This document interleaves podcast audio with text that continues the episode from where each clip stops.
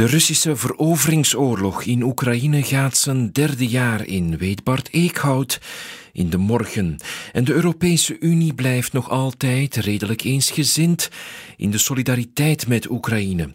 Maar Poetin rekent bij de verkiezingen op de verdere doorbraak van radicale partijen om die Europese samenhorigheid af te breken. Een stem voor de radicalen lijkt dus een stem voor de onvrijheid en onveiligheid.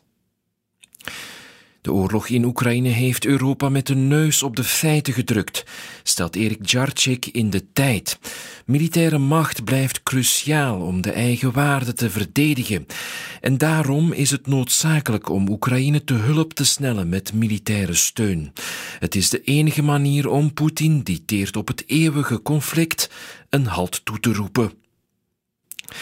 In de Gazet van Antwerpen blikt Chris van Marsnelle nog eens terug op de veroordeling van ACID en wat die veroordeling heeft teweeggebracht. Intussen is er ook een open brief van de moeder van Sandadia.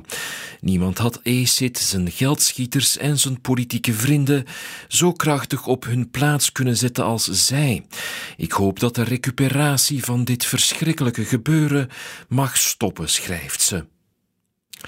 De open brief van de moeder van Sandadia doet vooral luisteren, vindt Pieter Le Saffer in het nieuwsblad. Niet dat de verontwaardiging over zijn zinloze dood moet stoppen, net zoals de kritiek op justitie niet mag stilvallen, in tegendeel. Maar weet dat dit in de eerste plaats over iemands zoon gaat. Begin daarom dus niet te jongleren met een leven dat je niet kent.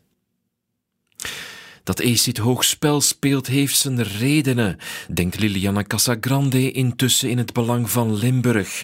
Want hoe langer de zaak aansleept, hoe meer inkomsten.